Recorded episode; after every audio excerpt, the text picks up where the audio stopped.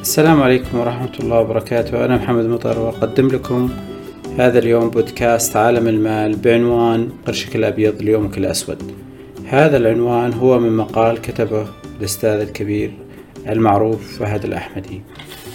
نبدأ ويقول بالبداية لديك خياران للحصول على المال إما أن تدخر أو تسعى لزيادة دخلك. وهذان الخياران طريقة تفكير تقسم الناس إلى قسمين قسم يعيش تحت سقف معين من المصروفات وقسم يكسر السقف ويعيش دون حساب للمصروفات. البعض يجبر وأحيانا يفضل الادخار والانتظار والبعض الآخر يسعى لزيادة دخله والخروج من ضيق الحاجة وشح الراتب. لا نشيد كثيرا بالخيار الثاني لعلمي أن كثيرا من الناس عاجزون عن زيادة دخلهم ولأن الادخار ذاته أمر مهم للفقراء والأثرياء على حد سواء.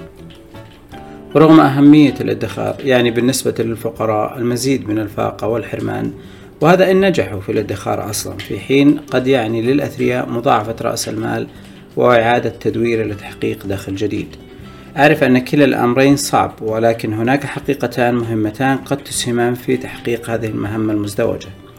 الأولى أن شعورنا بالثراء يتولد من التزامنا بتوفير قدر معين من دخل أيا كان قدره. سواء كان راتبك ثلاث آلاف أو ثلاثين ألف ستشعر بالثراء حين تنجح في ادخار عشرين بالمية منه على الأقل. ولكن ستشعر بالفقر والحاجة حين تتجاوز مصروفاتك عشرين بالمية مهما كان دخلك. أما الثانية فهي أن أصحاب المداخيل المحدودة يملكون فرصة طويلة وكافية لتنويع مداخيلهم أثناء سنوات الوظيفة.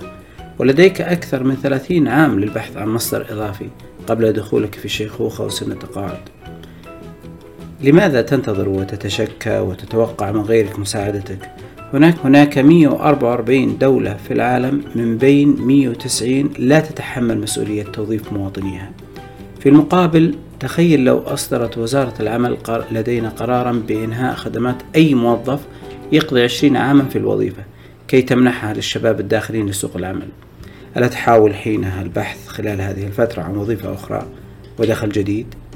في جميع الأحوال ما يزال لديك خياران بخصوص المال. إما أن تدخر وتعيش تحت سقف معين أو تبحث عن دخل إضافي وتكسر ذلك السقف. لا تحتاج لرفع قرشك الأبيض ليومك الأسود. كما يقول مثل المصري بل مضاعفة قرشك الأبيض كي لا يأتي أصلا يومك الأسود.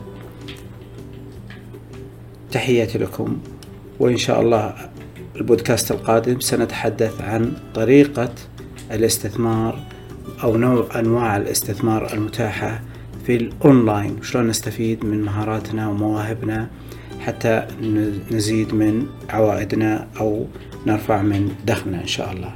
شكرا لكم وإلى اللقاء.